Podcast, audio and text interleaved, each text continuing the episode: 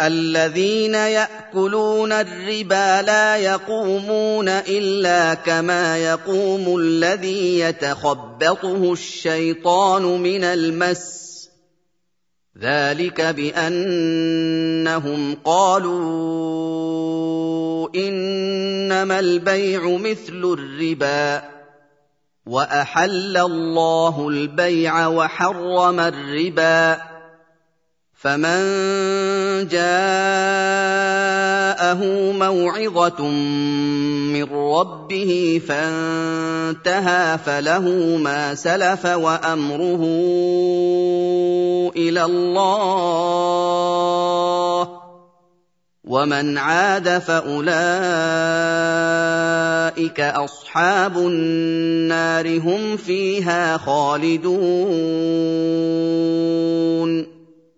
Orang-orang yang mengambil riba tidak bangkit pada hari kiamat dari kubur mereka, kecuali seperti berdirinya orang kesurupan yang dirasuki oleh setan. Dia keluar dari kuburnya dengan sempoyongan, seperti orang yang kesurupan dalam berdiri dan jatuhnya. Hal itu karena mereka menghalalkan makan riba, dan mereka tidak membedakan antara riba dengan apa yang Allah halalkan berupa usaha-usaha jual beli. Mereka berkata, "Sesungguhnya jual beli itu seperti riba dalam kehalalannya. Keduanya sama-sama membuat harta bertambah dan meningkat." Allah membantah mereka, membatalkan analogi mereka, dan mendustakannya. Allah Ta'ala menjelaskan bahwa Dia menghalalkan jual beli karena Ia mengandung manfaat umum dan khusus, dan Allah mengharamkan riba karena ia mengandung kezaliman dan memakan harta orang lain dengan batil tanpa kompensasi.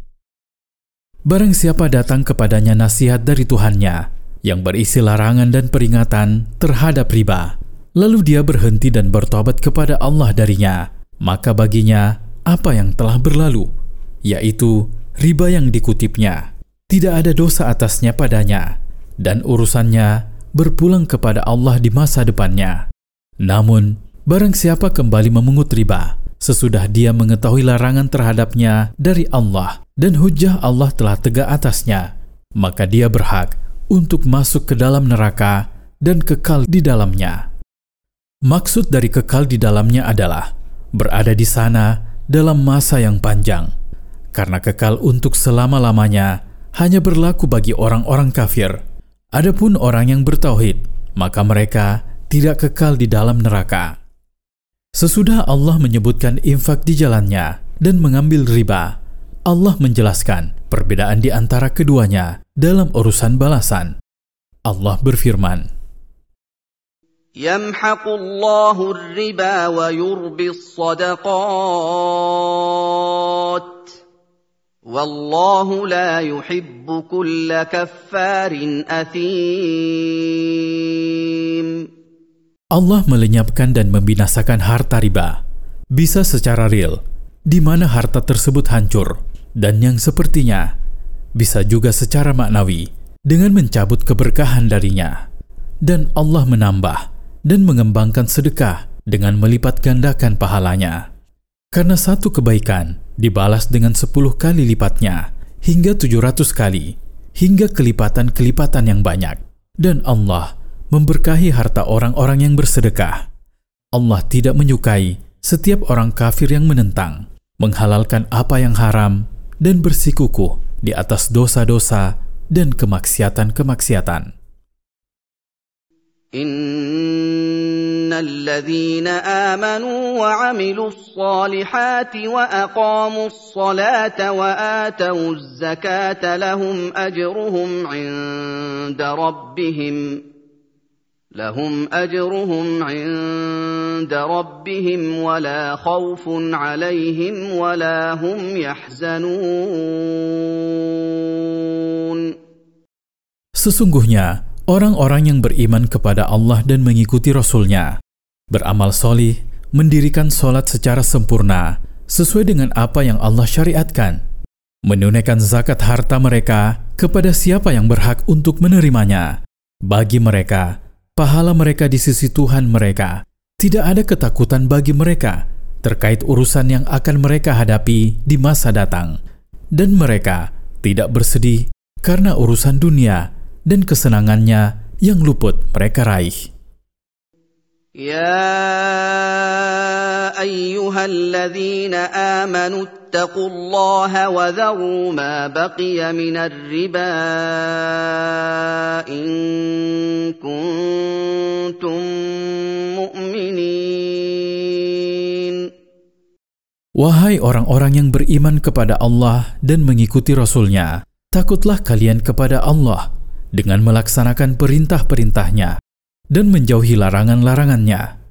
Tidak usah menuntut apa yang tersisa dari harta riba kalian yang ada di tangan manusia, jika kalian memang benar-benar beriman kepada Allah dan larangannya terhadap riba. فان لم تفعلوا فاذنوا بحرب من الله ورسوله وان تبتم فلكم رؤوس اموالكم لا تظلمون ولا تظلمون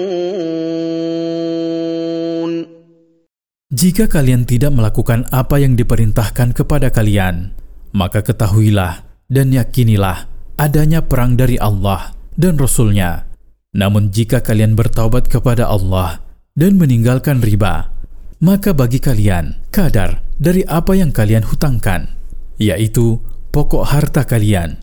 Kalian tidak menzolimi siapapun dengan mengutip lebih dari pokok harta kalian, dan kalian tidak dizolimi dengan menerima kurang dari hak kalian. وَإِن كَانَ ذُو عُسْرَةٍ فنظرة إلى ميسرة وأن تصدقوا خير لكم إن كنتم تعلمون Bila orang yang kalian tuntut karena dia berhutang kepada kalian berada dalam kesulitan sehingga dia tidak mampu membayar hutang kepada kalian, maka jangan dulu menagihnya sampai dia mendapatkan kemudahan harta dan memiliki apa yang bisa dipakai untuk membayar hutang.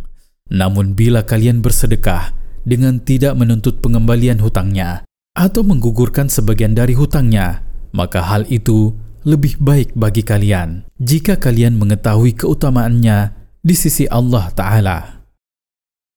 واتقوا يوما ترجعون فيه الى الله ثم توفى كل نفس ما كسبت وهم لا يظلمون Dan takutlah kepada azab di hari yang kalian semuanya dipulangkan kepada Allah dan kalian berdiri di hadapannya. Kemudian setiap jiwa diberi balasan atas apa yang telah diusahakannya, baik berupa kebaikan atau keburukan.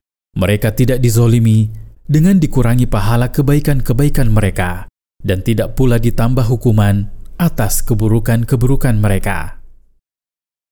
Faidah dari ayat-ayat di atas. Pertama, termasuk di antara dosa-dosa besar, yang paling besar adalah memakan riba. Karena itu, Allah Ta'ala mengancam pemakannya bahwa dia akan memeranginya. Kedua, memegang hukum-hukum syariat dalam urusan transaksi keuangan mendatangkan keberkahan bagi harta dan membuatnya bertambah. Ketiga, keutamaan sabar dalam menghadapi orang yang kesulitan dan meringankan bebannya dengan menyedekahkan sebagian hutangnya atau seluruhnya.